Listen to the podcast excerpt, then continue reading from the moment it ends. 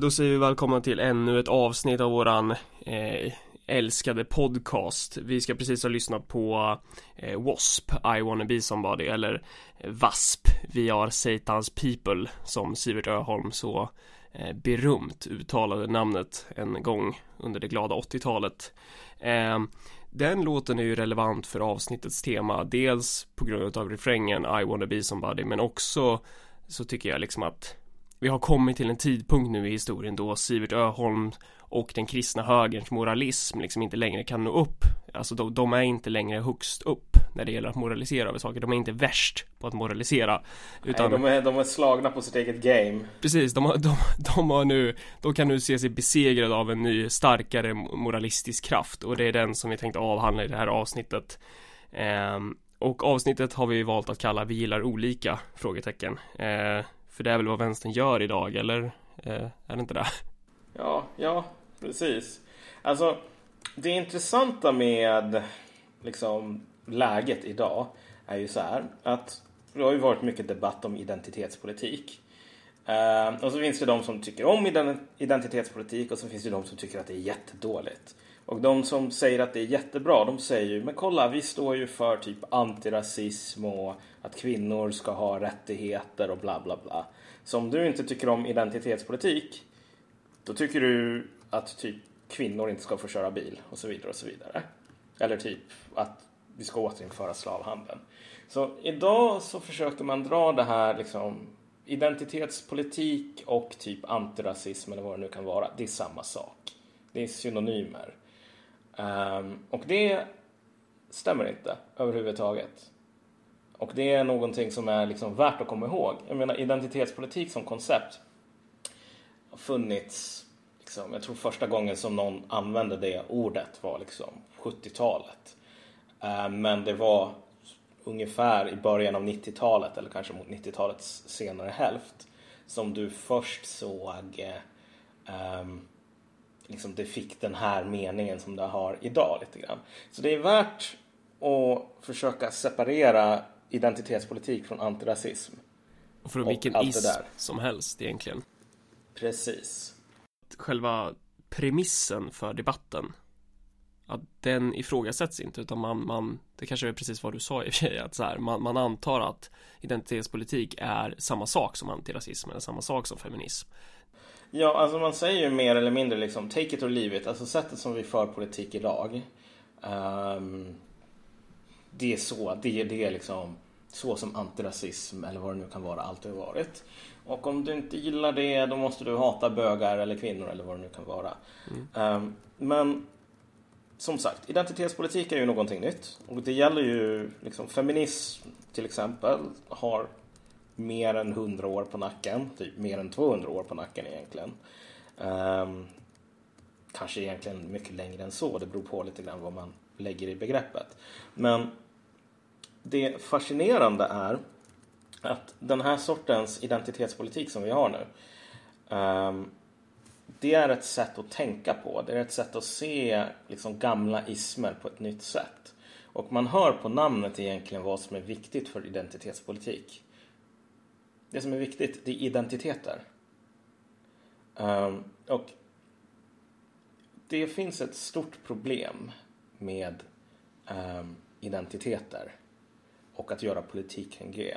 Och jag kan ta ett väldigt provocerande exempel. Ta uh, identitetspolitik i fallet homosexuella människor. Um, den här fina, liksom, vi gillar olika, hela den, den, den sortens eh, politik som är jättepopulär idag, den säger mer eller mindre så här. Eh, homosexuella människor, det är en annan sorts människor. Eh, och de har en unik liksom, livsvärld, en unik liksom, det är en sån här subrace. Det är som att spela Dungeons and Dragons och så väljer du typ alv och så finns det månalver och skogsalver typ. Eh, och homosexuella, det är liksom en annan sorts människor på grund av sin läggning och de har en egen identitet, bla bla bla sådär. Och eh, ett jämlikt samhälle, det är ett där alla olika sorters människor är lika mycket värda och hyllas liksom. Där det inte finns någon rasism mellan, eh, liksom, inget förtryck mellan olika sexuella läggningar eller typ orcher och alver. Eh, problemet med att göra så, det är bara det att om du studerar historien så ser du att det finns ganska många perioder som, där det inte finns homosexuella i bemärkelsen i den identiteten så. Um, liksom, om vi separerar själva identiteten homosexuell från att tända, liksom vara en man och tända på en annan man. Så det sistnämnda har funnits typ så länge som det har funnits människor. Men homosexuella sorters människor har inte alls alltid funnits. Så att om du läser typ skildringar från så här kinesiska hovet för 1500 år sedan ungefär. Kommer folk bara säga så här, det är typ lika vanligt att män knullar andra män som knullar kvinnor och det är väl inget konstigt med det. Det är ju som typ, det är väl det vanligaste som finns. Mm. Så att identitetspolitiken, premissen med alla de här fina identiteterna, det är ju egentligen att dela upp människor i olika sorter på ett väldigt okritiskt sätt. Man ifrågasätter inte liksom basen för den här sortindelningen så. Eh, och det är väl då man kommer in på det här, liksom alla de här exemplen som vi idag har, alltså om man, om man tittar på vad fan ska man kalla det för något, debatten eller hur det går liksom så är det ju så här Jag som kvinna, jag som svart, jag som bög, alltså så här eh, det, det, är utifrån, det är liksom grunden i hur man eh, argumenterar politiskt, alltså det är liksom Förstår du vart jag vill komma? Att det har på något sätt blivit det centrala.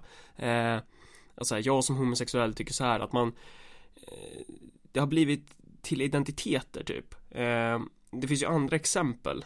Eh, Till exempel det här Eh, om vi ska ta typ hur man ser på, alltså historiska exempel, alltså om, om hur beskriver man till exempel slavhandeln idag, alltså triangelhandeln.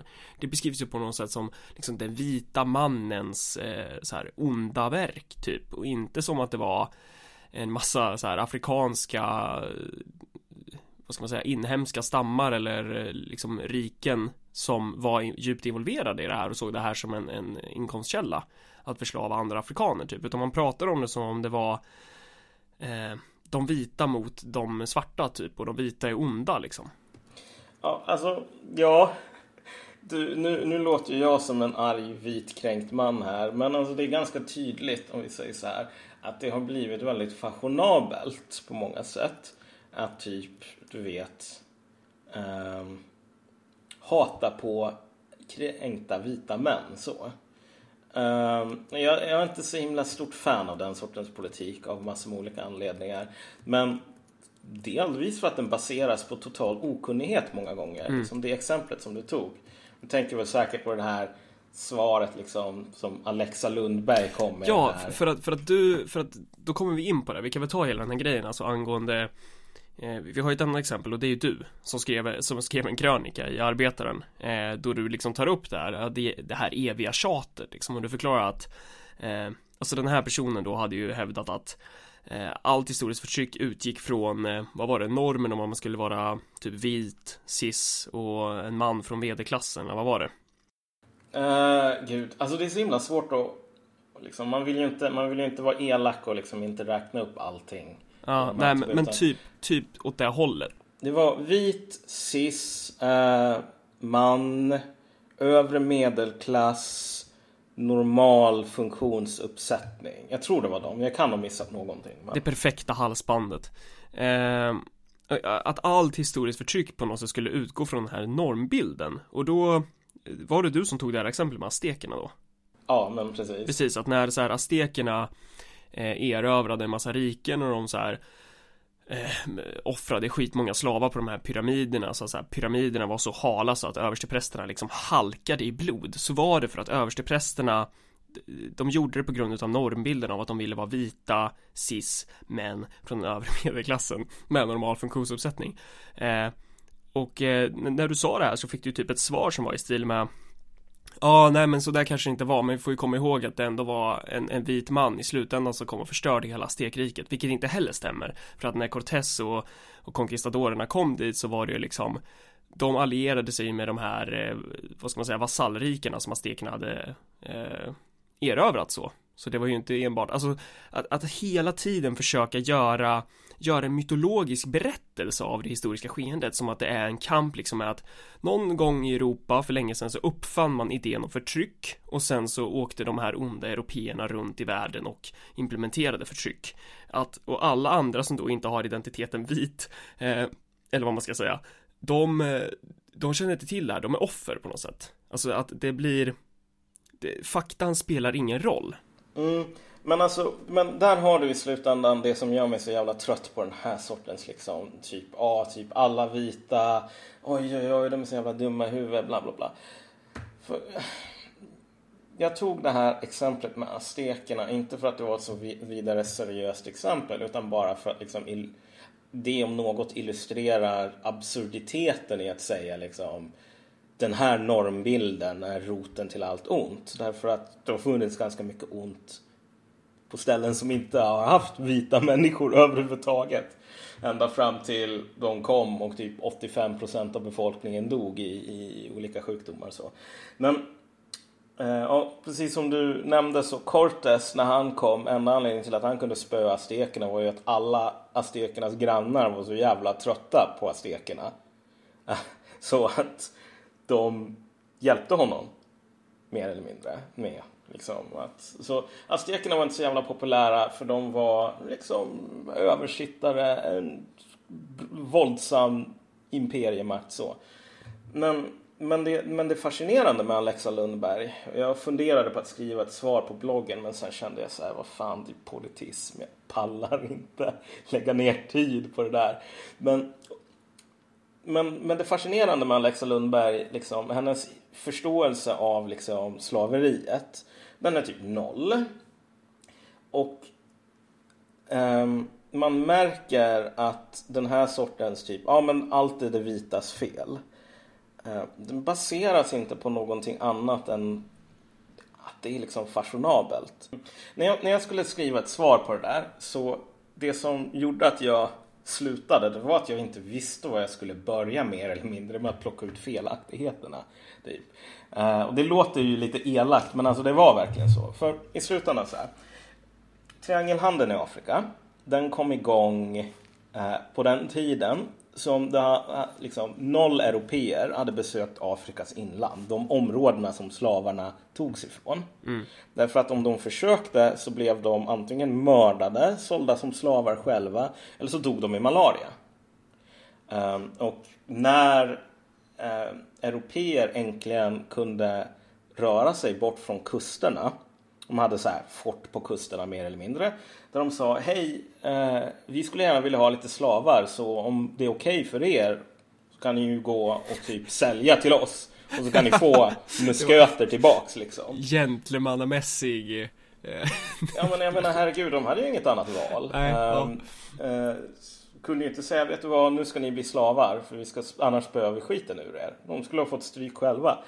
Um, så det, ja, det var lite mer gentlemannamässigt på det sättet. Och sen när man äntligen fick sina liksom typ maskingevär för det första eh, och för det andra profylax mot malaria och liknande. Då var det liksom på 1800-talet vid en tidpunkt där ingen längre höll på med slaveri. Det var liksom inte ekonom... Det, det, passade inte in i några ekonomier i västvärlden längre, mer eller mindre.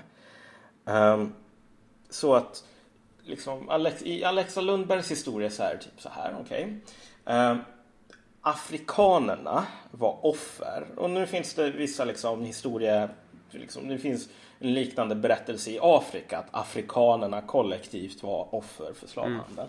Mm. Men, men hela etiketten afrikaner är en efterbliven retard om du använder det. Det är människor som bor på en och samma landmassa. Ja. När jag tänker mig så här, Europa. Jag tänker liksom Europa 100 år sedan, 200 år sedan, 300 år sedan. Välj, välj vilket jävla århundrade som finns, som finns som överhuvudtaget hur jävla fridfullt är det? Bara för att folk bor på samma landmassa. Mm. Det finns inte ett land. Liksom. Europa det är en kontinent, det är inte ett land. Afrika det är en kontinent, det är inte ett land det heller. Så att hela den här idén om att afrikanerna kollektivt var offer, liksom, det finns inte afrikaner. i den bemärkelsen. Men sen rent praktiskt så var det så här att många, liksom slaveri hade man hållit på med i Afrika precis som på många andra ställen i världen ganska lång tid. Och det var först när man hade en marknad, en exportmarknad som var väldigt svår att mätta, Så man började indus, liksom, smarta afrikanska entreprenörer insåg att det här är ju skitballt.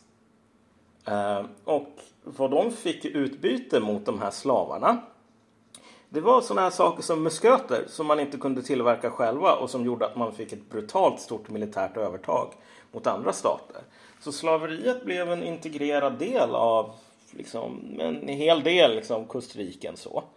Um, så att hela den här idén om att typ i Afrika, där finns det, där är alla som jävla rådjuret Bambi. Och liksom, de vet inte av förtryck. Uh, den är absurd menar, om vi tänker att vita män kan hålla på att förslava andra vita män, förslava sina medmänniskor. Varför skulle inte afrikaner kunna göra det? Är inte det lite så här konstig människosyn? Det är också så här, det, det här sättet att tänka på att afrikaner är offer. Eh, att de är som inherent egenskap i sin etnicitet så är man offer. Det ligger ju kvar om vi tittar på exemplet när du skrev den här krönikan. För att då var det ju kommentarer som var liksom så här, ah, men din jävla husneger. Alltså det var på den nivån så här, du får inte tycka så här för att nu är du lurad Malcolm. Du är lurad av, av dem på arbetarnas redaktion. Du kan ju inte komma här och kritisera de här åsikterna för det är ju liksom det går ju emot dina inherenta egenskaper som eh, Som färgad liksom Mm och där har du ju i slutändan, kolla. Det där husnegerargumentet, eller snarare det där typ att du är mentalt koloniserad, du är mentalt ja. lurad. Det är egentligen det enda argumentet som man märker att folk kan använda mot mig. Vilket är väldigt ironiskt. För kolla. I identitetspolitikens logik, den säger ungefär så här. Att ehm, för det första, det går inte att hålla på och tala mellan människor så eftersom den enda kunskapen som är värd någonting det är upplevd erfarenhet och så vidare. och Så vidare. Så bara någon som har den här och den här hudfärgen kan ha den här upplevda erfarenheten av att vara liksom färgad. Så, så att du ska ju bara hålla käften för det första. och sen, okej, okay, men för det andra då. Okej, okay, om vi har någon med den här hudfärgen så kommer den, om den vill ha något fint jobb på en kulturredaktion och säga kolla, men jag är expert på vad folk med den här hudfärgen tycker. Mm. Um, då, har, att... då har vi vår tids smarta entreprenörer här då. Ja, jo, precis. Vår tids entreprenörer som liksom gör ungefär lika gott för världen så. Men, men det som jag tänkte bara säga angående det här liksom, varför folk måste hålla på och säga husneger eller ignorera, vara tysta. Jo, därför att själva argumentet, om jag skulle vara en sån här smart entreprenör som skulle vilja föreläsa på ABF-huset eller någonting fullpackat med massor med vita kulturkärringar. Då skulle jag säga så här, ni behöver mig därför att jag talar för alla med den här hudfärgen. Därför att alla med den här hudfärgen har den här upplevda upplevelsen. Bla bla bla. Om det kommer någon som inte håller med då hamnar man ju i en väldigt konstig situation. För om man säger så här, men du Malcolm, du är en jävla borgarbracka. Du ska hålla käften. Då blir det ju så här att då finns det plötsligt borgarbrackor med den här hudfärgen.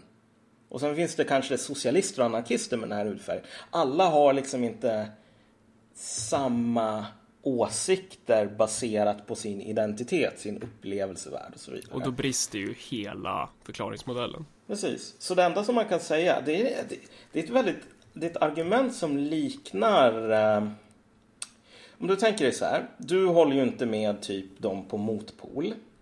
Nej. Eh, men de på motpol tycker väl antagligen fortfarande att du är svensk. Och vad de kommer att säga, en del av dem i alla fall, är så här. Att du som svensk inherent i liksom ditt DNA mer eller mindre så finns det liksom att hålla med motpol.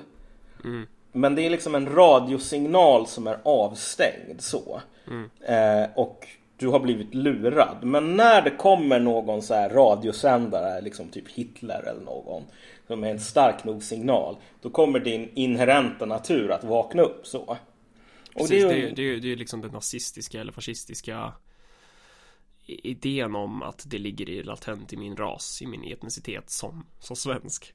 Och om när folk eh, inte håller med mig från liksom, identitetsvänstern Eh, då är det precis samma argument som de använder. Om de nu ens argumenterar, vilket få av dem gör.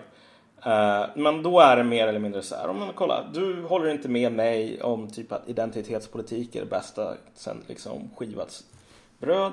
Därför att du är koloniserad, Malcolm. Eh, och det är väldigt många sådana här aspekter som den här sortens tänkande som förut liksom var verkligen typ fascistiskt. Mm. Nu återfinns liksom på vänstern. Alltså Eller... idén, för att summera det så är det liksom idén om att så här, det finns inherenta egenskaper till ras, sexuell läggning, till kön och så vidare.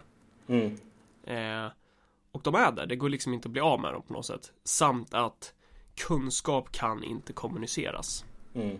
Och, och, och det här exemplet homosexuella till exempel visar ju bara att på många ställen i världen så är typ att vara, eller har, så är det kanske inte idag. Men du har exempel från historien där det är så här typ en prideparad baserat på din, liksom, vem du tänder på, man eller kvinna, skulle vara ungefär lika absurt som en prideparad baserad baserat på fingertryck för oss. Liksom. Ja, okej, okay, folk vet ju att olika människor har olika fingeravtryck, men liksom vem bryr sig? Mm. Det är mm. inte en intressant skillnad för att dela in människor i olika sorter. Uh, I förlängningen, alltså på det här resonemanget om att så här, vi har inherenta egenskaper kopplat till kön, uh, sexuell läggning och ras och allt vad det nu kan vara. Uh, att så här, då har vi ju det här med kulturell appropriering också. Som är liksom, vad ska man säga, det senaste på modet inom den här Twitter-vänstern. att man har liksom olika exempel, vad ska man ta? din morsa la väl upp någon bild på Facebook nyligen typ om att hon hade så här något tyg, något huckle kring huvudet liksom. Ja, huckle, vad de kallas ja. precis. Vilket var väldigt vanligt mode för inte så himla länge sedan. Typ alla kvinnor hade ju det mer eller mindre. Ja, och det, det är ju inte liksom, det har ju varit genom hela historien så har ju både män och kvinnor haft saker för att hålla undan håret. Så. Eh, så det, det är inget, alltså det är ju någonting som fanns Alltså långt innan eh, Mohammed gjorde sitt intåg liksom innan, innan Islam gjorde sitt intåg på I världshistorien så Men då var det någon som kom in och sa liksom Berätta Ja det är kulturella, alltså att bära huckle är kulturell appropriering du snor från muslimer mm.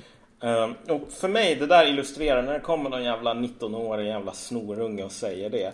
Alltså det illustrerar bara en väldigt sektliknande äh, stämningen som råder inom vissa delar av den här vänstern nästan. För kolla. Precis som du säger, väldigt lång tid har man använt det här med eh, liksom sjalar, tygstycken för håret och så. Mm. Så liksom i Mellanöstern så har det en historia som sträcker sig tillbaks till typ Babylon eller längre. Um, men, men hela den här idén just om också det här bara muslimer. Ja, just det, som om det vore en grupp. Det är ganska stor skillnad på um, Iran och Egypten. Ja. Det är ganska stor skillnad mellan Egypten och Saudiarabien så. Så hela den här, alltså det, det, det, det är fascinerande hur den här sortens liksom brutalt löjliga, verkligen idiotiska liksom, förutfattade meningarna kan liksom maskeras som antirasism. Säga typ, det här tycker alla muslimer, det här tillhör alla muslimer. Det är antirasistiskt idag. Och det, och det är så, och hela idén med kulturell appropriering för att försöka göra någon slags rättvisa är ju på något, alltså det är så här, eller göra rättvisa. Eh, idén om att en privilegierad grupp människor tar en icke-privilegierad grupp människor och tar liksom deras kultur och gör den till sin egen typ.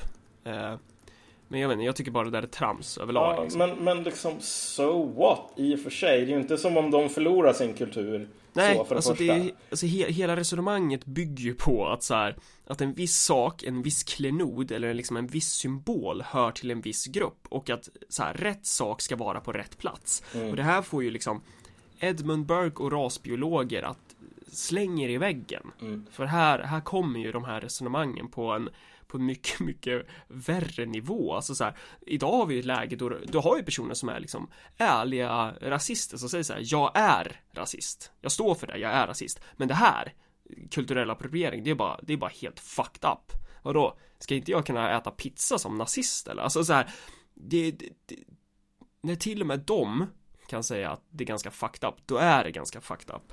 Vet du, Eh. vad, vet du vad en sofistikerad rasist på riktigt kommer att säga när han läser en jävla bullshit om att du får inte ha på dig kimon om du inte är japan, bla bla bla sådär.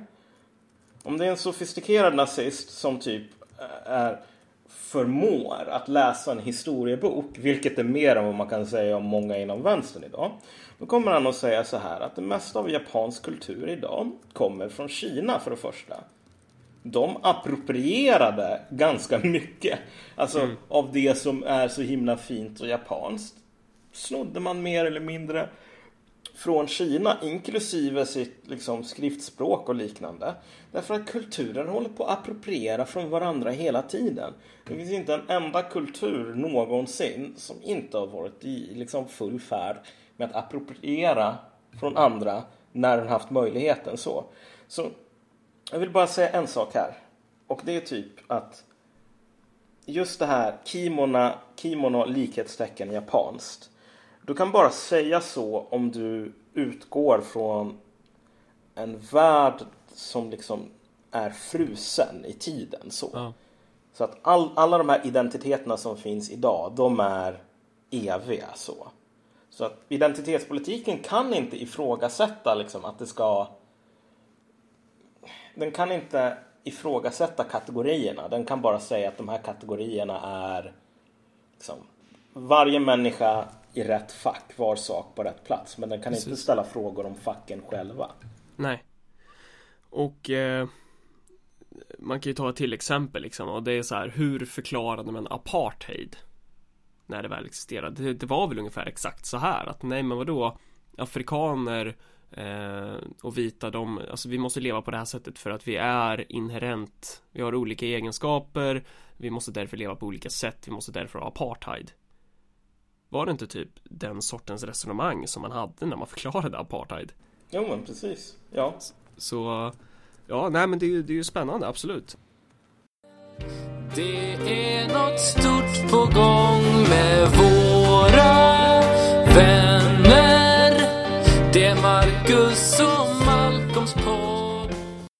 Har en sak som jag tänkte på att vi egentligen borde ta upp bara. Ja, Och det är, känner du till det här klasskamp, kvinnokamp? Hela den grejen. Eh, nej alltså du menar den här klassiska klass, klyschan? klasshat, kvinnohat, Twitterbråket. Nej, Där. nej Har du missat det? Ja, jag har Alltså, missat Du kommer fan att gå i taket när du Okej. hör det här. Fan vad jobbigt ja. Alltså, för, för inte så himla länge sedan så var det ju... Eh, det finns något jävla Twitter eller Instagram-konto typ som heter Kvinnohat.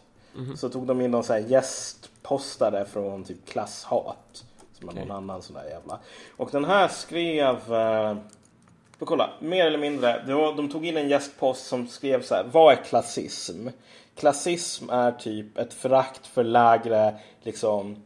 Eh, för lägre liksom, samhällsklasser. ja. Och alltså så den gjorde att typ klasser, det var normer. Liksom. Ja. Det var så här klass, du vet, klassamhälle, det är ett samhälle där det finns en identitet som säger att andra identiteter är sämre. Ja. Liksom. Så du vet, man, man försökte förklara försökte förklara hela samhället i termer av just Normer Ja men precis. Alltså någon, någon, någon, någon har hört det här med klasser och så tänker den att ja, vet du vad, okej det finns arbetarklass och det är att äta, typ äta biff och jävla bearnaisesås på burk. Och så finns det överklass vilket är att gå på opera. Och vi lever i ett klassamhälle därför att de i överklassen typ tycker att det är sämre eh, eller det finns en föreställning om att det är sämre att äta en jävla typ fläskfilé än att ä- gå på opera. Så det är ungefär som rasism. Det var, det var hela resonemanget. Ja, precis. Och det blev en jävla shitstorm över det där sen. För, för okej, kvinnohat tog bort det där. Och sa liksom att nej men alltså det här, nej det funkar inte. Eh, och efter det så liksom de fick ju, det blev hur många var hur arga som helst över det. Vad var de arga på? För att de tog bort det? Ja, precis. För liksom det här, ja, då ska vi se. Instagram. Jag måste fan hitta det där. Men, men vadå, behöver man säga något mer om det än vad- du redan har gjort? Nej, nej men just bara det här att kolla. Idag så förstår man till och med liksom klasser i termer av om det här är olika identiteter så. Men jag menar hur många hur många någonsin liksom skulle genom historien skulle köpa det? Ja, nej men det är väl också ett, alltså, tecken i tiden alltså. Om, om man ska gå in på det här, liksom, varför finns identitetspolitiken? Att så här, eh, vad ska man säga? Vi lever ju i en tid då, då du är vad du äter och framförallt du är vad du köper. Att, att typ, eh, om man ska ta det här med typ Coca-Cola, typ att Coca-Cola Zero och Coca-Cola Light, det är exakt samma grej. Eh, bara det att man marknadsför Eh, alltså det är exakt, exakt samma liksom dryck, bara det att det är olika etiketter, olika förpackning. Bara man marknadsför Coca-Cola Zero för typ, jag menar, muskulösa män som ligger runt mycket och Coca-Cola Light är för eh, kvinnor som tränar på gym, eh, typ. Eh, att det är liksom en att identitetspolitiken ska se i relation till dagens samhälle då vi så här man konsumerar, alltså politiken har blivit kommodifierad, politiken har blivit en vara man konsumerar politik på samma sätt som man konsumerar ett iPhone-skal. Det är lika viktigt så här. Vi, vi visar vår identitet genom konsumtion i dagens samhälle. Eh, och politiken har tyvärr inte blivit en undantag. Så det är så man bör se identitetspolitiken, att så här du ska sätta ihop i, i den här ständiga jakten i dig själv som du gärna kan reflektera över på Twitter i 3000 inlägg eh, så ska du liksom hitta den perfekta kombinationen i ditt så här halsband bestående av sexuell läggning, kön, etnicitet och ju mer så här unika egenskaper du kan eh, hitta genom den här kombinationen desto bättre, desto högre liksom konsumtionsnytta har du nått. Ja, men det där behöver du ju verkligen inte förklara för mig. Eh, nej, jag vet. Men vi har ju en podcast. Eh, så det är därför jag, sitter, därför jag sitter och förklarar det här. Ja, nej, Tänkte du att jag bara satt och berättade det här, för, alltså så här off topic nu? nej, jag menar bara så här att jo, jo, jag, jag, men, alltså, jag, jag, jag får ge med i resonemanget så liksom. Det är Ja. så här. Precis, precis. Eh, och men jag vill också säga en sak som kan vara värt att nämna att så här, de här vi tar upp nu, eh, diverse typ, jag vet inte vad det kan vara, FI-sympatisör eller vad fan det nu är, ung vänstermedlemmar, whatever liksom. Eh, de är ju inte ensamma om själva identitetspolitiken, om själva idén om att konsumera sin identitet. Alltså du har ju medlemmar i till exempel Liberala ungdomsförbundet som typ så här le, tror att de har, alltså så här identiteten liberal är att man ska så här man, lek, man lajvar att man är en, en, en rik kapitalist typ. Å andra sidan har de här som kan säga sig vara hata identitetsvänstern, alltså personer inom andra personer inom vänstern. Eh, men, men som ritualiserar sin identitet lika mycket av att de är sanna jävla arbetare och de, de pratar grov dialekt och så, alltså så här, de är, de är, de är liksom eh, ja, nu ska jag äta falukorv och mos för så gör en riktig proletär. Att de så här håller, håller på att, att alltså, arbetarismen liksom, bara, ja men Ja eh, att vara kommunist, att vara arbetarklass, det han, alltså så här, de ritualiserar sin identitet lika jävla mycket. Det blir lika jävla patetiskt och de är lika fast i det här ideologiska tänkandet av att politik på något sätt är konsumtion. Men politik är fan inte konsumtion och vi måste på något sätt visa på en annan väg. Eh, alltså det, för att grejen är att vi kommer ju till någonstans till ett, till ett vägskäl här att antingen kan man hålla på och ritualisera den här jävla eh, konsumtionismen, den här individualismen, för det är där det handlar om. Det handlar om att sätta individen i centrum. Eh, men vi kommer ju inte komma någon annan vart. Alltså det är ju själva medlet och målet i sig själv och dit vi vill komma är väl på något sätt, vi vill ju ha en emancipation.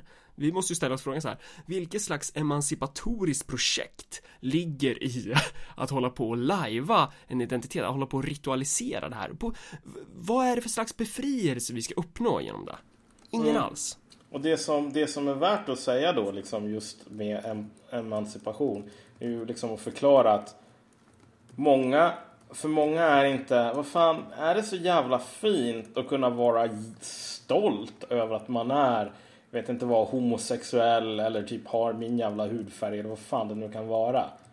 Är det inte liksom, finns det inget positivt att säga om en värld där man inte behöver hålla på att definiera sig konstant utifrån vad fan man tänder på. Ja, exakt. Liksom. En värld där man inte hyllar olikheter. Alltså en värld där så här, det spelar ingen roll, vi är jämlika.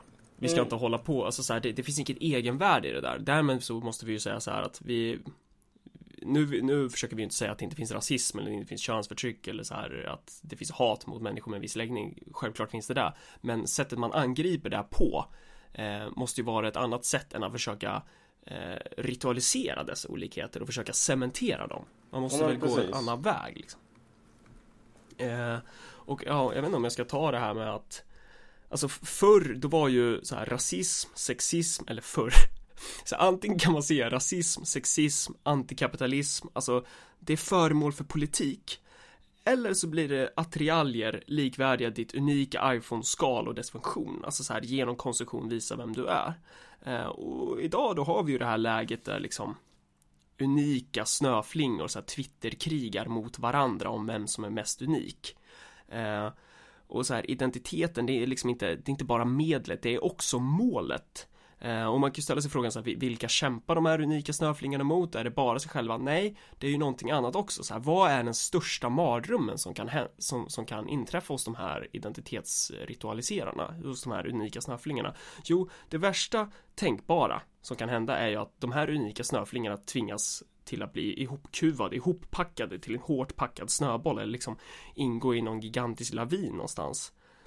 Eh, och vi ska ju komma ihåg att det är liksom inte så här det är ju inte egenskap av unika snöflingor som man har som man kan krossa allt i sin väg utan det är ju egenskap av laviner. Och den här liksom metaforen kan ju vara kanske är lite långsökt men det jag snackar om är ju individer och kollektiv. Att så här antingen har man liksom individens identitet i centrum eller så har man eller så är man ute efter att skapa ett eh, politiskt ett kollektivt politiskt subjekt mm. eh, förlängningen blir så här hur kommer de här unika snöflingorna ställa sig till strävan om att skapa laviner hur kommer de här individerna ställa sig till strävan om att skapa kollektiv? Eh, och man kommer ju inte vilja skapa kollektiv. Det är ju det värsta, det värsta som kan hända. Eh, och då kan vi ta flera exempel, alltså bara den här Alltså hur, hur unik är du om du inte längre är unik? Alltså hela, hela idén går ju sönder vad, vad, vad, ska vi göra med de här smarta entreprenörerna som har lyckats göra en karriär på att de har vissa inherenta egenskaper? Mm, ja, för att de är experter på vad alla med den här hudfärgen tycker. Det, det värsta som kan hända dem, det är ju att förorten organiserar sig. Det är ju det ja. absolut värsta som Många kan hända. Många av de här är ute i förorten dock. Liksom. Ja. ja, men, ja, men de har ju ingenting med det att göra. Mm. Och det är ju det jag menar, så här. Ja, men jag tycker, jag tycker att det är en sak som verkligen behöver alltså, tas upp. Typ att liksom, du är fan mer ute i Vivalla och har bättre kontakt med de som bor där än alla dessa superrasifierade bla bla bla på kultursidorna så. Det är ju liksom, och det är ju inte så konstigt att det är så. Därför att i slutändan människorna där ute, det är bara alibis. Ja. För de här människorna så. Det är i slutändan vad det är. Det är folk som tycker om typ, jag vet inte vad folk, ja de tycker ju verkligen inte om, alltså de behöver ju inte ens låtsas att de tycker om typ fatta, fattiga vita män liksom så. Men fattiga liksom förortskids måste de låtsas att de tycker om. Samtidigt som de gör allt för att aldrig någonsin utsättas för sådana människor. Ja, ja. Eh, alltså jag, jag ser ju bara framför mig typ så här hur, hur typ eh, Tänk dig Ung Vänster Storstockholm Hur de skulle reagera om det var så här. Ja men det kommer in några förortskids och bara ja men eh, höger de är jävla horungar. Alltså det, det skulle det skulle bli sånt jävla Så där får man inte säga. Alltså så här, det skulle bli så kortslutning. Det skulle bli sån eh, det, det, det är två helt skilda världar på något sätt. Mm. eh, Och det är, värt, det är värt att ta med det som en poäng faktiskt. Just det här med att liksom, det här är ju bara, det här är bara bluff. Det här handlar inte om någon jävla liksom eh, utsatta personers organisering, bla bla bla. Det handlar om människor som tycker om att låtsas som om de är så jävla utsatta. Det- är precis som eh, vita medelklassmänniskor som vill bli över medelklass avskyr typ folk som bor i Åmål eller vad fan det nu kan vara. Eh, det är liksom vad fan, precis samma sak där. Det är bara det att idag så som saker och ting ser ut så kan de här entreprenörerna låtsas vara någon jävla freedom fighters. Det finns ju ett mellanskikt som köper det här och det är väl det som också är intressant att, att identitetspolitiken främst är en konsumtion för för mellanskikt för människor som har det ganska gött Försöka sälja in den här jävla idiotin i typ Kopparberg. De som bor i förorterna eh, Typ så här, vad ska man säga, den rasifierade arbetarklassen De får agera någon slags alibi. Även om man aldrig pratar om liksom eh, så här, den somaliska städaren eller, eller tiggaren utanför ICA. Utan de är någon slags alibi. Men å andra sidan finns det en annan del av arbetarklassen som används som en spegel. Alltså den här pöbeln, den här fruktade Alltså den, typ den vita arbetarklassen som bor i bruksorten typ. Alltså eh, Det som det här begreppet white trash eh, Allt det där. Att man vill använda liksom folket eller pöbeln Som man ser det. Eh, Det är liksom utifrån dem som man speglar sig Utifrån dem som man är rättrogen. För att jag, det var någon som jag träffade på universitetet i valrörelsen när jag var ute och härjade med Örebropartiet. Eh, Och eh, som sa bara så här att Men vadå, Örebropartiet, är inte ni ganska populistiska? Och jag bara, jo klart som fan vi är. Klart vi är populistiska. Säg ett politiskt projekt genom historien som har varit lyckat och inte populistiskt. Du, du kommer inte hitta något eh, För att det är så jävla intetsägande. Men det är ju bara hos den här liksom Främst hos identitetsvänstern som populism kan vara någonting farligt För att man är liksom eh, Man är rädd för det som populismen är ett uttryck för. Alltså Om, om man om man inte har den här spegeln, om man inte har den här pöbeln att kunna spegla sig i, då är man ju inte unik längre. Så här, från identitetsvänster så är det nästan, så här, definitionen av populism är ju liksom att eh, det finns en elit och så finns det en massa och så är det en konflikt. Ungefär, och så förklarar man världen på ett enkelt sätt. Eh, det är jävligt intetsägande. Det är typ all, alla framgångsrika politiska projekt har därmed varit populistiska. Eh, identitetsvänstern gör eh, motsatsen. Att så här bara, ah, vi har en förtryckt elit som står i en öppen, en dold kamp liksom mot, mot den här förtryckande massan. Mot den här blodtörstiga pöbeln av vita kränkta män, av arbetslösa missfoster som har sparkats från industrierna och enda sättet vi kan försvara oss det är genom att skrika så högt vi bara kan på våran Twitter, skriva med caps lock om hur liksom hur, hur korkade de här människorna är. För att det är enda sättet som vi kan liksom upplysa, så- alltså nej, det är så jävla, det är så jävla fucked up så jag kan knappt summera det på ett, på ett sansat sätt. Mm. Ja men alltså, ja, men vi, vi, vi kör någonting om liksom att det här bara i slutändan, vänstern idag avskyr fattiga människor. Ja, vänstern hatar ju folket. Ja, den avskyr typ liksom du vet, det finns en nolltolerans mot de som inte är ideologiskt korrekta. Och det är bara de som har det jävligt fint som kan, har liksom, kan vara ideologiskt korrekta. Så, så liksom, man bara sorterar bort pöbeln. Ja. För att det, det finns ju, det finns ju inte det finns ju inte så mycket till liksom en vilja till handling, alltså sättet som man, alltså om, om man ska hitta någon slags politisk praktik i det här så är det ju typ att man blockerar människor. Man blockar dem på sociala medier, typ så här, ja men nu har jag blockat alla som röstar på SD eh, på min Facebook. Så, för det är ju så vi besegrar rasismen, att vi, vi blockar. När den sista rasisten är blockerad från min Facebook, eh, då, då försvinner rasismen. att det är typ den sortens resonemang.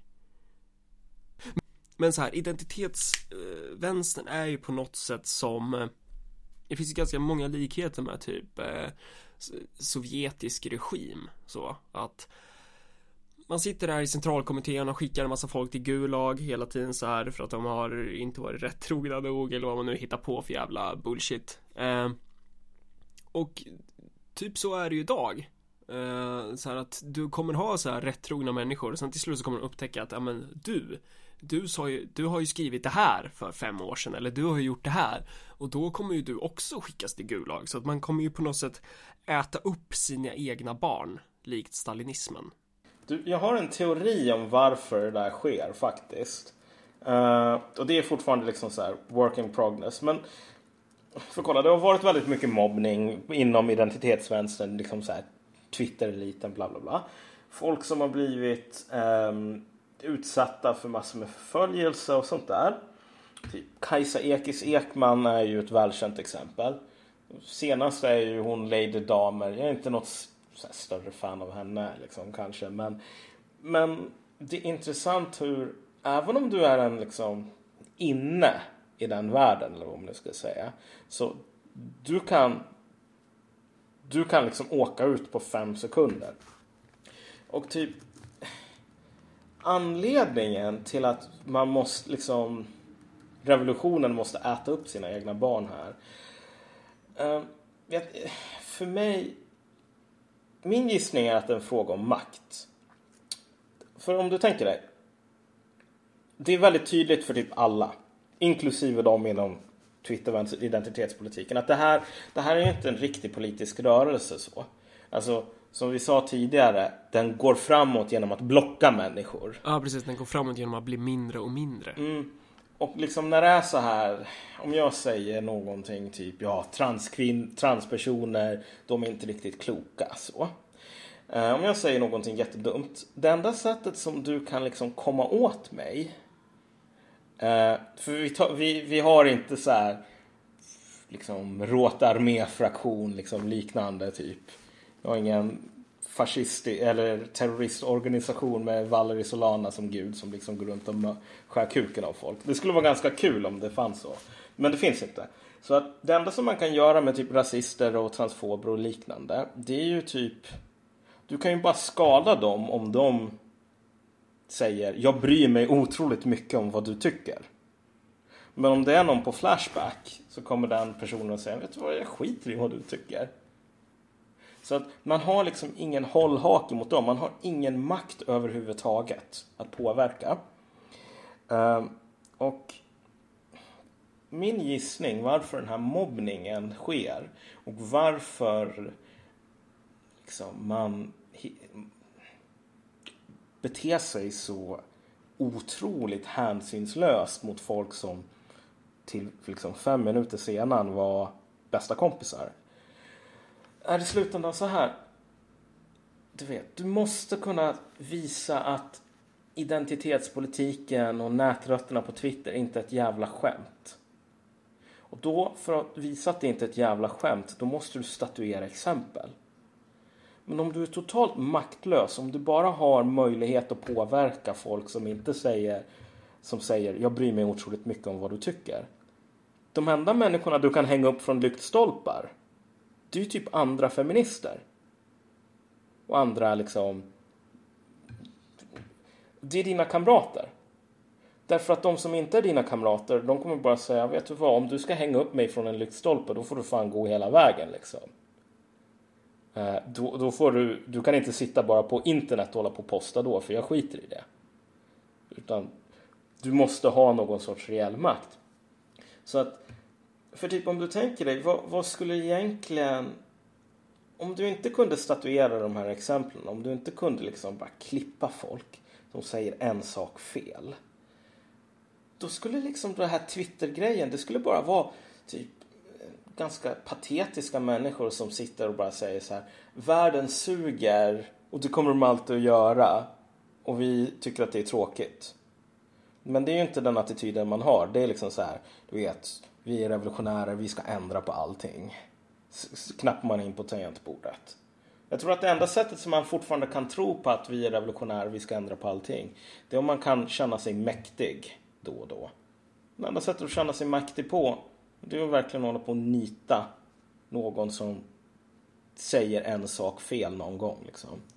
Så det, det, handlar inte om, det handlar inte om någonting som typ Lady Damer gör, tror jag.